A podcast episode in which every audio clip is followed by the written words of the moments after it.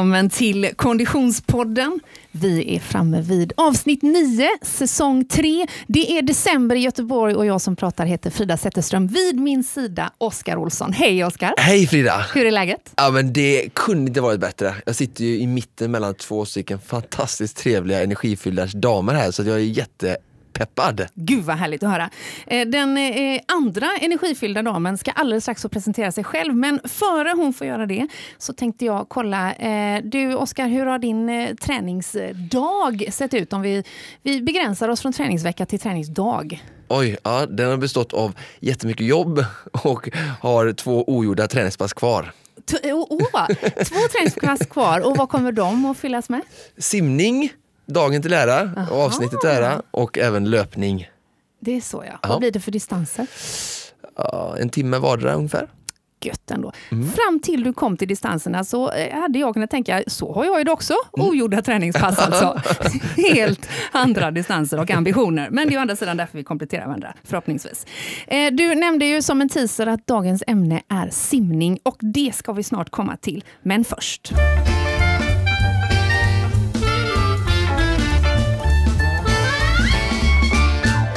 Vi är så glada att ha Storytel som vår poddpartner under hela den här säsongen.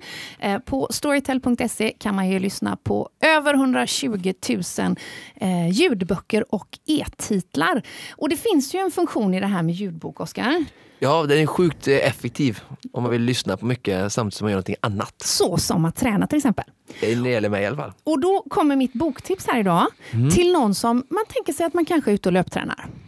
Och man kanske vill lyssna på en deckare. Mm -hmm. Och man kanske vill springa fortare. Mm -hmm. Och man kanske vill läsa om en eventuell mördare under Stockholm Marathon. Driven by fear. Exakt så.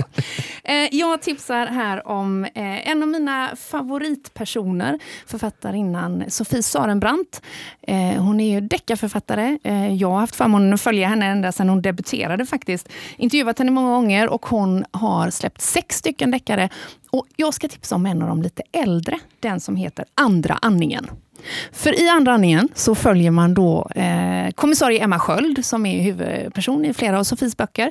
Men det sker då ett mord under Stockholm Marathon.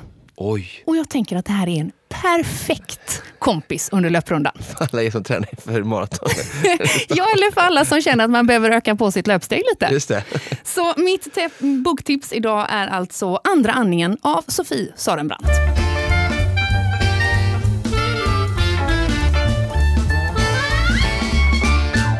Du, Oskar, eh, vi har ju eh, fantastiska lyssnare. Ja, verkligen. Väldigt engagerade lyssnare. Mm. We love you, helt enkelt. Mm. Eh, mycket engagemang på olika sociala medieforum, både på Facebook och på Instagram, inte minst.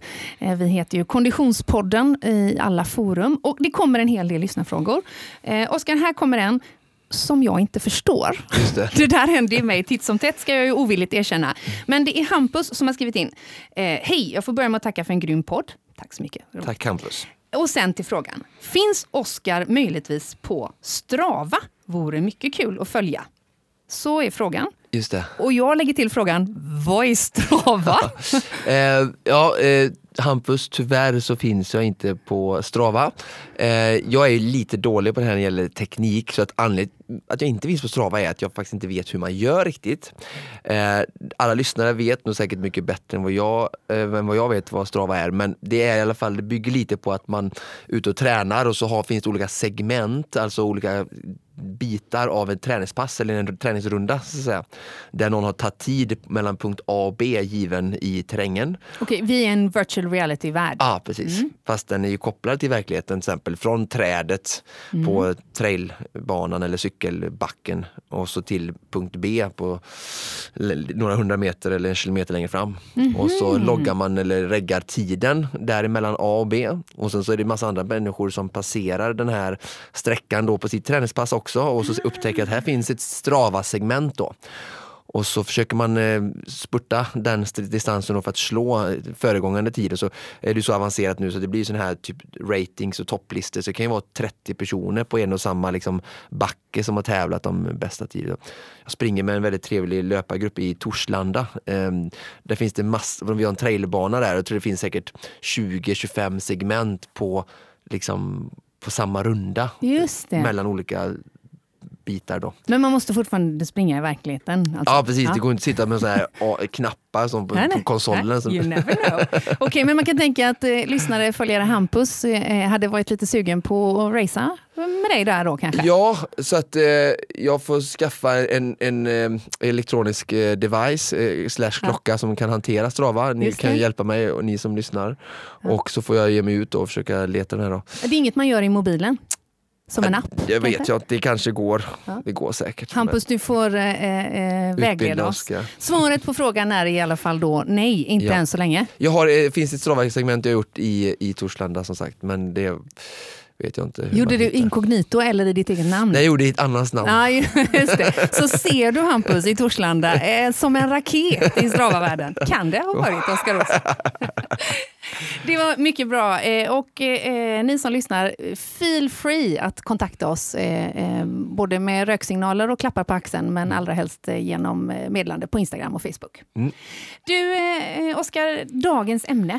Simning, Simning. denna ädla sport. Exakt. Och vem är bättre att eh, eh, avhandla detta ämne än Anna-Karin Lunden? Hej Anna-Karin! Hej! Hur är läget? Det är jättebra. Jag har precis eh, avslutat eh, veckans nyckelpass så att den här rodnaden Ja. håller på att ge sig. Ja, och du stretchade lite här i det Ja, men jag kände mig lite så här eh, framåtroterad kan vi säga. Ja, du öppnade upp Ja, bröstryggen öppna lite. upp lite där så att man kan prata ordentligt och andas.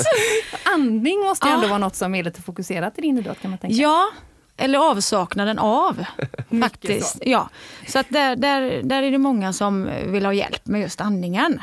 Du, eh, Anna-Karin, du går ju under namnet simcoachen på eh, sociala medier bland annat. För jag antar att det inte är privat, ropar inte barnen det på skolgården när du hämtar dina barn? Jo men eh, faktiskt, eftersom det står så på min bil. Där är simcoach. Ja. Sämre alias kan man ju ha Ja. onekligen. Men för den som inte känner dig, eh, berätta lite kort, vad är din eh, historik? Eh, jag började simma som fyraåring. Vi hade segelbåt och mamma och pappa tyckte det var viktigt att kunna simma. Och eh, började med simträning. Jag tror jag simmade tre gånger i veckan när jag var sju år. Och så du vet, rullade på och körde hårt när jag var ung. Var var du någonstans i Sverige då? Då var jag Kungälv. Då var du kung. Ja. Och i, i simhallen inte för långt ifrån där jag bor. Nej, Ja, just härligt. det. Ja. Precis. Ehm, så att eh, jag gjorde mina 10 000 timmar där ganska snart. Ja. Eh, var med på OS när jag var 15, landslaget tills jag var 19. Sådär Brä- som händer de flesta. Ja, Nej. ja. Vi, vi, men vi, backar, vi lugn kan och backa fin, lugn och lite, fin. så kan vi göra. Du, du, Ja. du, du, du, brände dina 10 000 timmar säger du. Ja. Du hamnade i landslaget eh, någonstans kring 80, slutet av 80-talet. 88 ja. Ja. ja. Eh, och vad hade du för specialiteter då? Vad var dina- Brussim var min eh, specialitet. Ja, och favoritdistansen var? 200 får vi väl säga, som jag hade svensk rekord på där då. Just det. Mm. Och du tog ju svensk rekord, att säga, och du tog eh, en hel del guldmedaljer. Jag tror att Oskar skvallrade tidigare om Ja. eh, 10 SM-guld. Ja, Eh, och OS ska finnas någonstans någon hemma. gång i eh, slutet av 88 eller Ja. slut, slutet av 80-talet. Ja. Sol. Ja. Mm.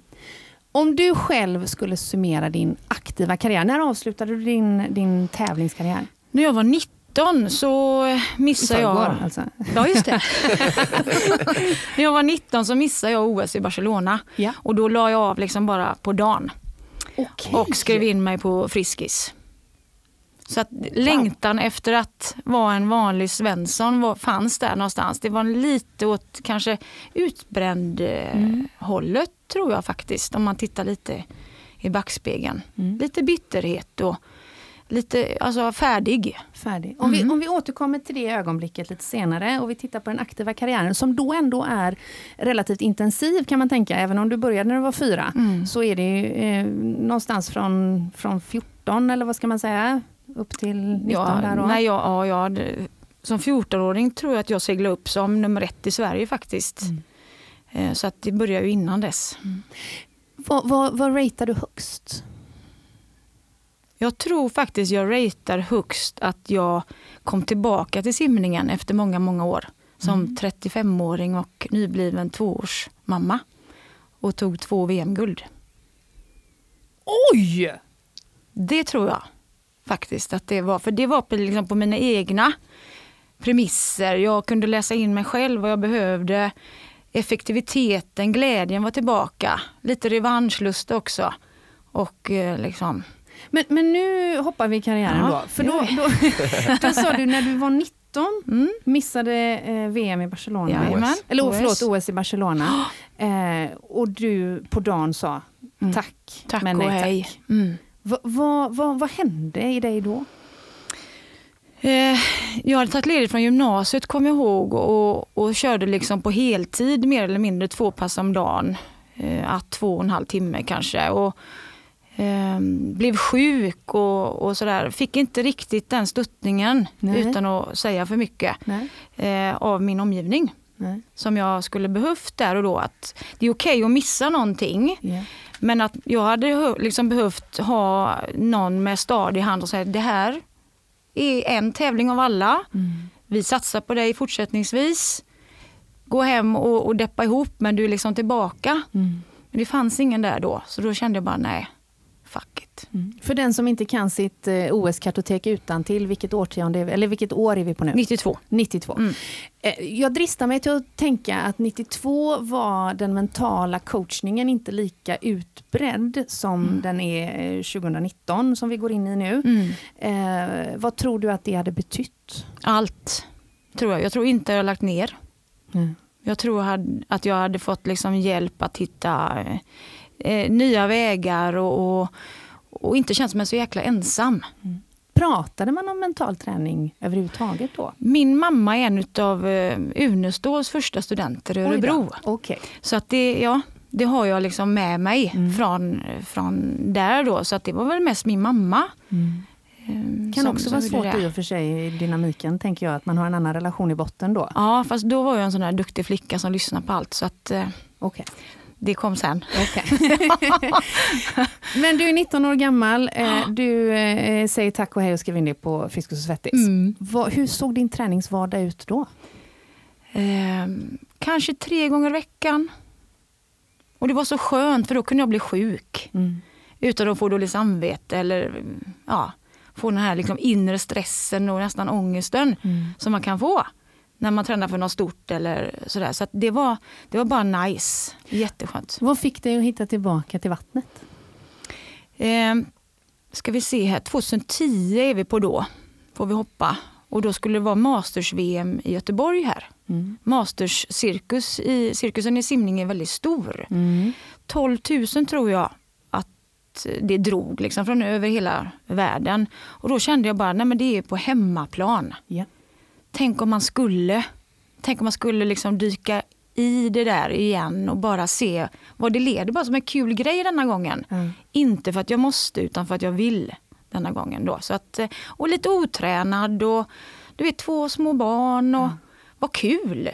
Och sen göra det på mitt sätt. Så jag sa så här till mig själv, jag tränar tre gånger i veckan och så ser, det, liksom, ser man vad det räcker då. Ja. Är du kvar i Kungälv vid den här tiden? Nu är jag i Torslanda. Nu är du i Torslanda? Ja, nu är jag i Torslanda. Mm. Så att eh, på åtta månader där så, så tränar jag mig upp till, inte där jag var som 19-åring, men inte så himla långt ifrån. När, när, kan du liksom komma ihåg när du kände att shit, det här kommer gå vägen eller den här kroppen svarar fortfarande? Eller kan du komma ihåg när det... Eh, Jag hade, ju liksom, jag hade ju liksom inget mål med att jag skulle bara se hur långt det går. Jag kan ju inte bestämma de, vad de andra Nej. gör. Eller, jag Nej, men i din egen känsla liksom. Eh,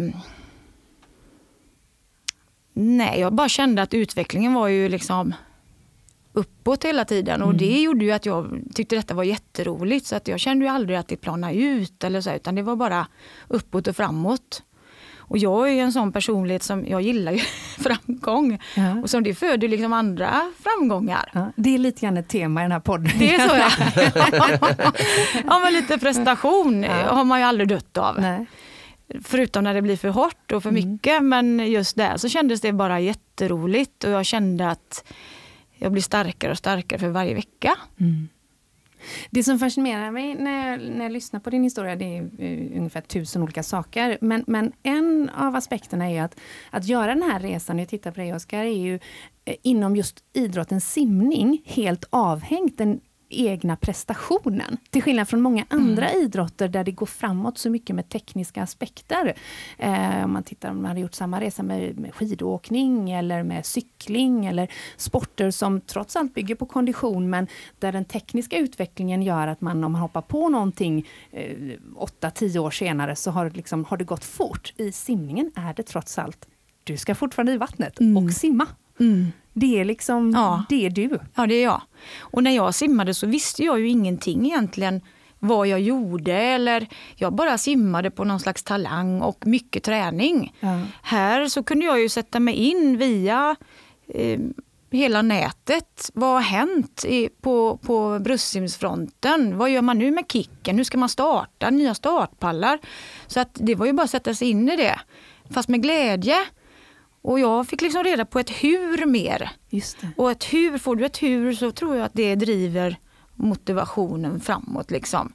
Att bara göra eh, för att. Mm. Det tror jag tar död på mycket ungdomsidrott. Att inte veta varför.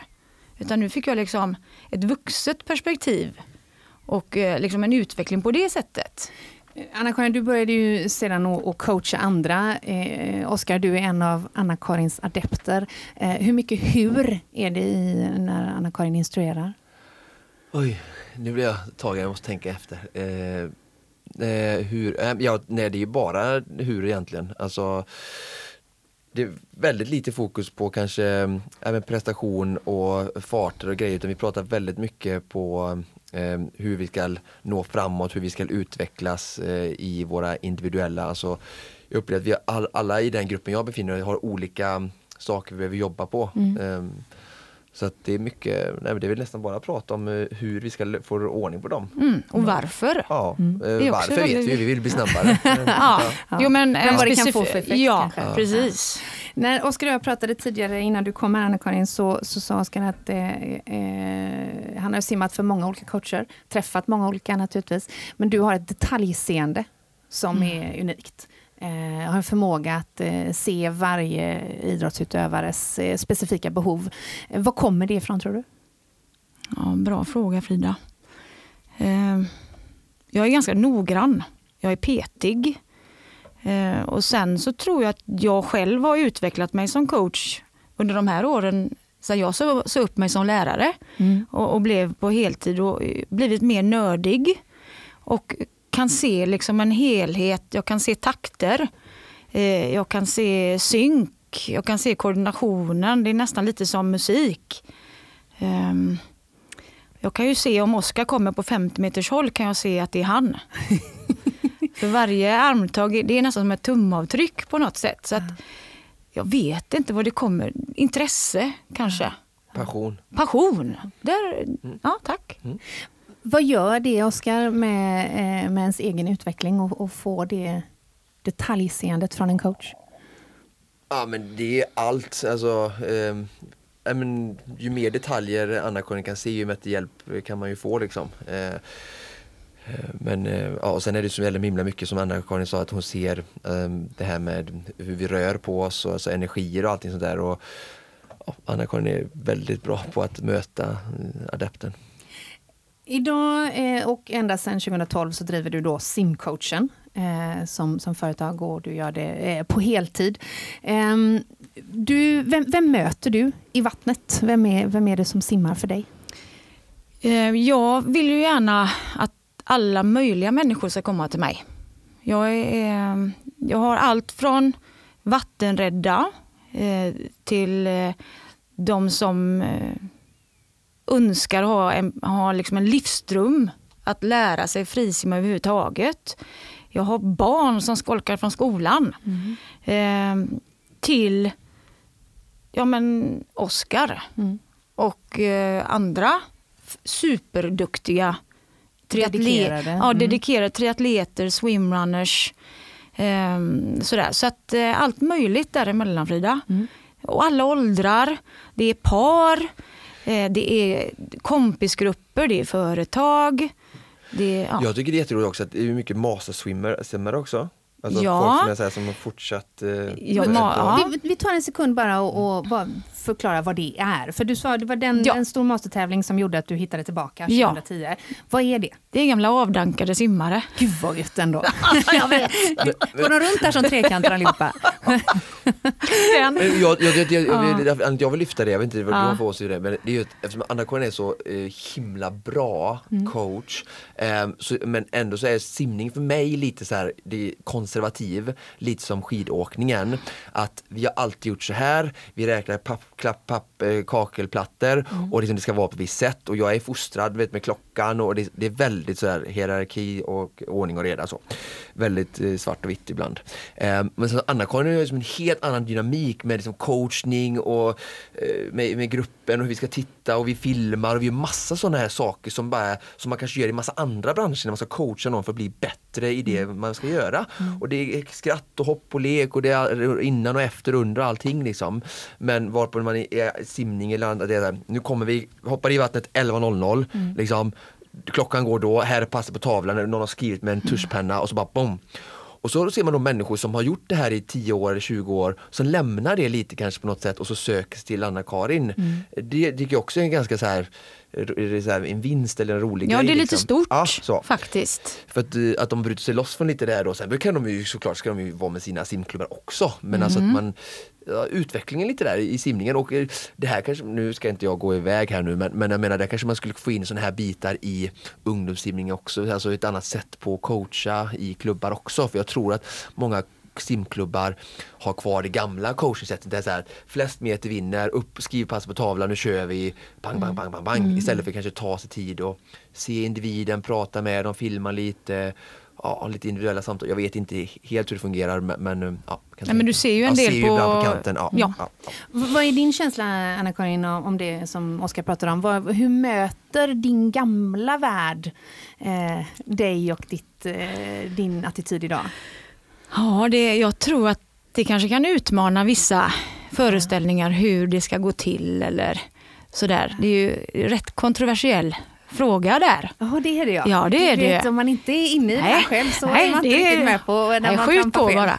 Nej, men jag kan ju säga så här, om jag har en swim, någon som håller på med swimrun eller Ja. någon som håller på med triathlon så är de mycket mer öppna Mm. eh, mot eh, liksom vad jag har att erbjuda än gamla simmare. Just det. Ja. Men är det inte det- mycket gamla simmare som går över till att göra swimrun? Skulle jag tro.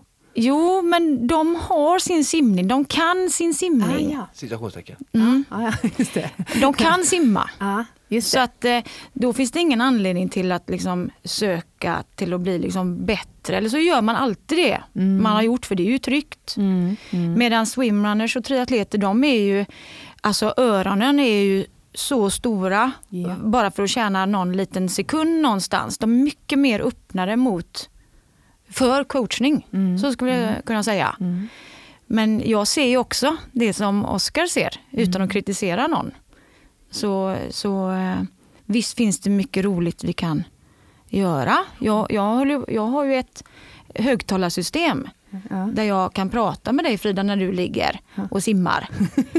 Men då gäller det att ha något att säga också. Just det. Ja, men det, det förstår jag inte varför inte fler klubbar använder sig av.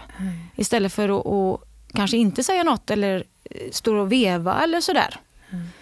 Eh, Jag är också mm. ett levande exempel, Anna-Karin får väl säga det själv om vad hon tycker men jag kan ju bara prata för mig själv att jag tycker att jag har gjort en helt eh, eh, exceptionellt eh, stor utveckling i min simning efter att jag träffade Anna-Karin och Mm. innan det så provade jag ju, jag blev inslängd i den traditionella citationstecken simningen då, hur man Mm, simmar och så gjorde jag det. Det jag blev bättre men det var som jag var- upplevde att jag stagnerade efter några år och det hände inte så mycket. Och det är nu sista senaste tre åren som jag har fått en, en skjuts till då. Just det. Om man kollar på tider och vad det jag gör i simning. Det är det personliga tilltalet som är A och O. Just det. Ja. I all coachning. Att- När Ja, ni i all säger det coachning. verkar det ju väldigt självklart, tänker jag. Ja, Ja, men varför gör hur? Nej.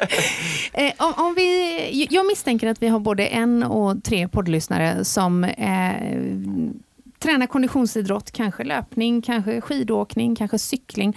Eh, men som vill ge sig på en klassiker till exempel, där simningen är en del av det. Och för många så tror jag att man kanske tänker, ja, men i Vansbrosimmet, eh, jag löser det. Jag löser det på ett gammalt hederligt sätt.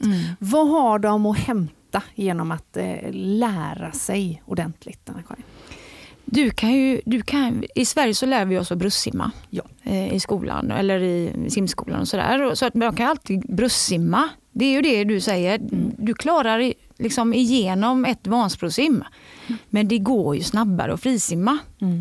Och det är roligt att frisimma. Det är roligt att simma När du säger snabbt. frisimma, det är det jag Crawl. kallar crawl. Det är Ja, crawl. okej, ja. Ja. Varför säger man frisim? Ingen aning. Freestyle. Man skulle ja. kunna efterlikna det med typ cykla med stödhjul. Det går ju. Ja. Det är ganska Ja. tråkigt, långsamt och sterilt. Men får man bort Ser också stödhjulen. lite töntigt ja, ut. Precis. Ja. Eh, man överlever ju. Men, men cykla, ta bort stödhjulen och det är en helt annan frihetskänsla. Och det är mer fart, fläkt. Alltså, så crawl är ju roligare än bröstsimma. Mm. Men så hör man ju då de som, ja okej jag, jag ger det en chans och så, Mm. eh, så har man kanske rätt bra kondition. Man har lyssnat på de tre säsongerna av Konditionspodden, man är taggad, man har kanske gjort ett eh, Göteborgsvarv i sina Ja. dagar, man har gjort något Vasalopp och så kommer man i bassängen och kan ingenting när det Nej. gäller crawl. Man kommer 10 meter. Om, då, du kan Mm. Och sen liksom, tror man att man ska dö. ja, Är så, det här egen erfarenhet? Ja det är det. så går man hem och så hänger man upp baddräkten Och och bara, nej, man, nej. inte idag heller. Hur långt har man då kvar? Ja, det, det, det varierar ju naturligtvis. Men sim, jag kan ju säga så här, simning är svårt. Mm. Det, är, det är svårare än att, säger jag nu, springa och cykla. Ja, ja, ja. Mm. Mycket svårare. Men för att inte skrämma bort våra Ja, vi ska inte skrämma bort. Eh, men jag har, ju, jag har ju folk som lär sig frisimma på liksom 55 minuter. Mm. Eh, jag har folk som lär sig frisimma efter åtta veckor. Mm. Men det är ju lite grann vad du lägger in också. Ja. Men om du bara lägger in fel grejer. Vad skulle fel grejer kunna Fel vara? grejer är att liksom bara veva med armarna och sparka med benen. Just det. Där är du ju körd efter Ja. 10 meter. Det spelar ingen roll om du springer ett maraton. Så gör du av med så mycket energi så att det fixar du inte. Så att där handlar ju om balans och avslappning först. Mm. Som, som vi eh, försöker rätta till. Men då är det bra att få lite stöttning eller googla eller youtube eller någonting som man inte bara går och kör, liksom går bananas. För det blir inget kul. Det håller inte. Vad är det vanligaste felet folk gör? Ingen balans framför kroppen. Ingen, ingen balans framför kroppen? Nej. Nej, där- Vi ska ju ta oss Okej. fram, Ja. Frida, där. Ja. Då behöver vi ha någonting som är framför kroppen hela tiden. Ja. Så alltid en arm framför kroppen till exempel. Där har jag en grej. En annan grej är att när vi ska andas, att vi lyfter ofta huvudet. Ja, det är den här luften jag Det är tänker. den här luften. Där ska, vi vrida, luft! där ska vi vrida på huvudet istället för att lyfta det. Annars så sjunker rumpan. Sjunker rumpan Frida så börjar dina ben gå. Känner du igen dig? Ja, ja, ja, ja, ja. Och så där har du stannat. ja just det. Så Inte det- lyfta huvudet och Nej. tänka balans framför kroppen. Ja, Att alltid ha en arm framför kroppen. Ja. Eh, och, och, vara försiktig med benen för där är liksom de stora muskelgrupperna. Men eh, jag har ju många som säger, men jag använder inte benen. Jo, det gör ni. Ja, just det. För att sammanfatta detta skulle jag säga att eh, flytläge och andning är de två absolut viktigaste sakerna att hantera. För att har du flytläge så slipper du hamna i en paniksituation där du bara gräver djupare ner i vattnet med benen som Anna-Karin säger. Och andningen så skapar du själv lugn och syresättning till musklerna som gör att du kan fortsätta arbeta framåt. Har du inte de här två, vilket är de två vanligaste, så sjunker du, får panik och så börjar du bröstsimma och titta efter närmsta badlina eller vad heter det? Det är ju, det är ju liksom vadet, alltså vad. Sen hur. Ja, det är ju tusen det, olika. det, det finns ju jättemånga olika teorier kring det och hur man ska lösa. Jag ser ju mycket grejer på Vallala. Mm. Ehm, ja, där händer det ju grejer. Ja. Våra Eh, hoods. Ja, våra hoods ja. Nej, men så att det, det är väl bra, man, tips kan ju vara att kika in lite grann på Youtube eller sådär. Och, och Eller in på Vallala. Eller in på Vallala. Titta hur vi gör. Titta hur vi gör. Hur mycket simmar du själv idag? Jag simmar faktiskt en del.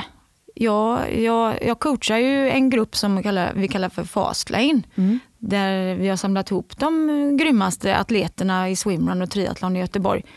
Och där vill jag gärna vara med och Just det. ja, jag vill ju inte vara sämst i den gruppen. Nej. Hon är överlägsen alla oss alla. Nej, inte alla. Där. Nej. Men jag simmar tre till fyra gånger i veckan. Mm. Eh, för jag har hittat ett nytt eh, intresse och det är öppet vattensimning. Just det. Från att ha varit liksom livrädd för bara fyra, fem år sedan. Mm. Så har jag eh, börjat simma lite ja, utomhus och tävla. Och öppen vattensimning är så enkelt som det låter. Det är utomhus? Ja, utanför bassängen. utomhus. Vad är den största eh, skillnaden och utmaningen? Där har du vind, där har du vågor. Det är där inte har du... hajar alltså? Nej, kan vara. Ja. Eh, där har du mörker. Mm. Eh, där har du andra simmare väldigt nära dig. Siktning. Eh, siktning så att du simmar rätt. Just det. Eh, så att eh, det är egentligen en helt annan sport skulle jag vilja säga. Mm.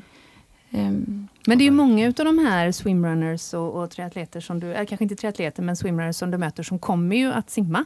Ja, Eh, all- ut- med- alltså, ja, är de det flesta göra. gör det. Men det är ändå så man övar i, i bassäng naturligtvis. I, i, Ja, vi har inte så mycket val här i, i norr. nej, varför på något bor sätt. vi här ja, varför bor vi här? Det är fantastiskt. Det, Ja, ja, ja, ja, ja, ja, ja, det är jätteroligt. Ja. Nej, men, så, nej, men vi lär oss rätt inne och så går vi ut sen. Det, det är så vi får jobba. Liksom. Mm. Eh, Men att kunna möta alla de här grejerna på, på sommaren, det tränar vi även inomhus. Mm. Det finns mycket tips och tricks som vi kan använda oss av där ute. Om vi lite kort ska eh, ge våra lyssnare råd på vägen eh, för att lägga upp sin simträning. Nu är ju Vansbrosimmet eh, en, en bra bit ahead, men man eh, ska väl ändå eh, börja tänka simning antar jag. Vad säger du Oskar? Ja, jag har ju flera råd och nycklar som har hjälpt mig med min simning. Jag vet Mm. inte om vi kanske Anna-Karin kan få inleda och så kan jag fylla ut lite vad jag, hur, ur en simadepts eh, syn, vad jag, vad jag upplever har varit nycklarna för mig. Mm. Hur lägger man upp det då? Ja, jag tänkte, ska inte Anna-Karin få säga några tips eller ska jag rätta tipsen här nu? Tänker Anna-Karin få, Säger du? ska jag säga? Eh, ja, för först skaffar man coach. Ja, det är det första. Det ser bra. Sen är man klar. Så är jag klar. Så är det färdigt. Ja. Eh, nej men eh, det, jag tycker, jag kommer alltid tillbaka till det, jag jobbar ju med, med coachning såklart så det är klart att jag alltid tycker att man ska ta hjälp av någon precis som en hantverkare hemma. Så att, men sen så finns det olika sätt att ta hjälp. Så om man träffar någon en gång eller om man är med i en grupp eller på något sätt men åtminstone sätt dig i ett forum. Håll inte på själv, alltså jag ser folk komma till Valhalla och man ser direkt bara här är en person som säger jag ska kråla och hen, hon eller han är helt ensamma, har ingen plan när de kommer dit, ingenting så. Okej, nu ska jag räkna upp några nycklar här då. Eh, det var den ena. Eh, nästa är ju att eh, göra en plan. Det vi pratat om förut i podden med träningsplanering. Och när jag säger plan så menar jag titta på hur mycket ska jag simma, vad har jag för eh, förutsättningar och, och för verktyg. Har jag några jag kan simma med, ska jag simma själv. Eh, och sen då utefter det forma någon typ av, av simma två gånger i veckan, sätta fasta tider. Det är alltid bra med fasta tider när det kommer till saker som är lokalberoende brukar jag säga. Har du en trader hemma, löpning och allt sånt där så kräver det inte samma planering. Men när det gäller styrketräning och simning och kanske längdskidåkning som eftersom man inte har hur mycket snö utanför trädgården jämt eh, så krävs det liksom noggrann planering. Att tisdag och torsdag eller tisdag och lördag så simmar jag. Och så gör man upp det hemma med familj och allt sånt där så det är klart så det är liksom så och trafik och parkering och allt sånt. Sen så har man gjort det och sen så kan man då planera specifika träningspass. Ehm, alltså varje pass ska ha en plan. Jag tror många tänker så här, "Ja, men jag simmar på lunchen och så har de inte planerat någonting. De kommer till simhallen, de har 33 minuter på sig och sen 12 minuter dusch och så 9 minuter till lunch och sen är det färdigt. Så. Det är dåligt och man blir aldrig bättre. Det är väldigt bra för hälsan och man bränner lite kalorier och man får livsglädje och endorfiner. Men man blir inte bättre på att simma. Eh, simning är liksom, eftersom det är svårt så kräver det mycket tid. Så det är lika bra att bara inse det från början. Liksom, du behöver mycket tid. Du behöver minst 62 minuter effektiv tid i poolen. Sen får du räkna till dusch och allt det andra. Var kommer 62 minuter ifrån? Jag vill bara göra ett statement att mer än en timme. För säger jag så här, "Ah, ni ska lägga två gånger en timme. Ja. Då vet jag att folk säger så här, jag simmar mellan 11 och 12. Ja. För då räknar de in hur, starta appen, ja, gå in, träffa någon in i simma, stå och köta i, i det här omklädningsrummet, gör de ju Tåla jämt. in sig att Ja, de kissar, de går och bastar. Kul jätte- så folk håller på. Alltså, jag, jag måste bara säga, min rutin, jag som simmar mycket ofta, jag lägger kanske, alltså om jag har möte klockan 12, Ja. då går jag upp poolen 11.51. jag är inte säker på att du vill avslöja detta Oskar. Nej, jo, jo. Och det är liksom bara rätt igenom. Men Ja. jag känner ju till andra människors verklighet och Ja. därför menar jag säger jag 62 för att ni behöver effektiv tid, alltså mer än en timma, inte 43 som alla har. Nej. Ja. Så, strukturerade träningspass som är planerade med tid så ni har tid. Mm. Mm. Det har varit nyckeln för mig. Eh, och eh, sen då, de, de har mycket tid så hinner man simma mer metrar och så ha strukturerade eh, pass varje gång man kommer till poolkanten. Då. Vad säger du Anna-Karin? Jag tänker den här Vansbrosimmaren då. Mm. Hur, långt, hur långt har vi kommit eh, så? Nej, men jag tänkte lite grann att den här eh, simmaren eh, har ju inte en coach. För Nej. har den en coach då har man nog kanske en relation till simningen Mm. på ett eller annat sätt. Utan jag tänker att det finns nog rätt så många lyssnare som eh, där konditionsidrotten eh, mest består ovan, på, ovan vatten Mm. helt enkelt. Eh, och eh, Vansbrosimningen dristar jag mig till att tro är något som följer med en klassiker. Mm. Eh, och, och, och kanske är eh, obeprovad mark för de Mm. flesta. Men man simmar ändå frisim. Man har kommit så långt. Det tror jag att många av våra Ja. lyssnare vill göra i ja, alla fall. Vill ja. Mm. Vi kan utgå från det. Mm. Då skulle jag nog säga två eller tre pass per vecka, Mm. tror jag. Eh, inte korta intervaller. Nej. Inga 50 max till exempel, tycker jag inte vi ska göra. För att Vad- Nu får Vansbrosim- du förklara. Ja, 50 är max. Eh, Det, är- det är mycket, liksom, man simmar 50 meter och så tar man i allt vad man har och så måste man vila en minut sen. Mm. Så ser ju inte Vansbrosimmet ut. Nej, gud Och det, nej. Nej. Bara flika in det jättekort att det här är jättevanlig felbedömning av motionären i alla sporter. Mm. Det är kort, effektivt och inte så jobbigt. Nej. Tycker de då att man tar i en kort stund och sen får man vila. Det är samma sak med löpning, man kör 20-10, man kör korta intervaller, hår, kort och hårt liksom över med det. Men vi blir väldigt dåliga på det här liksom att uthålligheten, precis som Anna-Karin säger. Att man, övning, eh, Ja. för övrigt en liknelse till allt vi gör i samhlet idag. Faktiskt. ja, precis. Ja. Ja, men det beror ju helt på vad man, vad man liksom ha, vill ha sin simning till. Ska du vara med på Masters-SM på 50 frisim, det är klart du ska simma Ja, ja. 50 max. Såklart. Så. Men nu är det Vansbro, det är 3000, det gäller att kunna orka med alltihop. Så då skulle jag vilja tipsa om ett pass där man simmar lite längre sträckor. Vad är det? Gärna 3 och 400 Mm. 3 till 400 meter. Mm. Lite lugnare.